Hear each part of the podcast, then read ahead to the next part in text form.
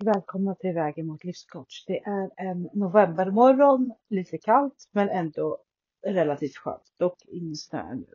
Eh, jag fick bara en tanke som jag ville dela med er. Det är vad gör ni för att ja, men känna, känna, ja, men känna glädjen inom er skulle jag säga. Vad, vad gör du, vad gör ni, vad gör du för att Känner det här pirret i magen.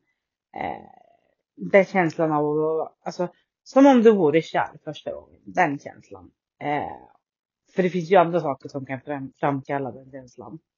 Och det, alla gör vi på olika sätt tror jag. Alla har vi olika knep. Eh, eller olika personer som väcker de känslorna hos varandra.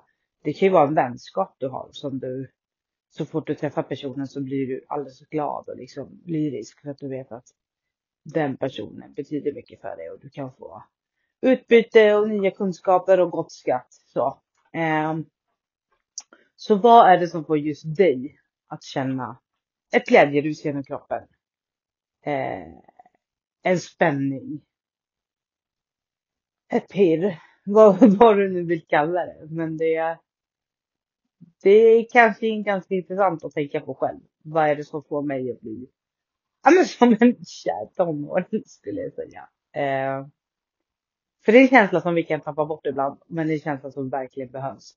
Så ta den, ta, ta den, ta den, ta den, ta den här morgonen och fundera på vad det är som gör att du, eh, vad det är som ger dig den flimrande känslan och bli som en tonåring igen.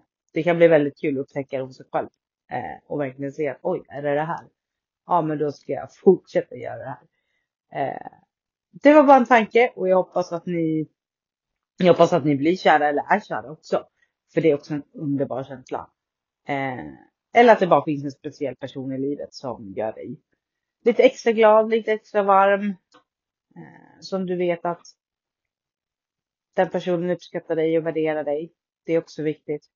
Så vad ni än har för relationer, ta hand om dem och låt ingen tömma ut din energi. Men vi hörs på söndag som vanligt, så ta hand om er. Ha det bra, hej!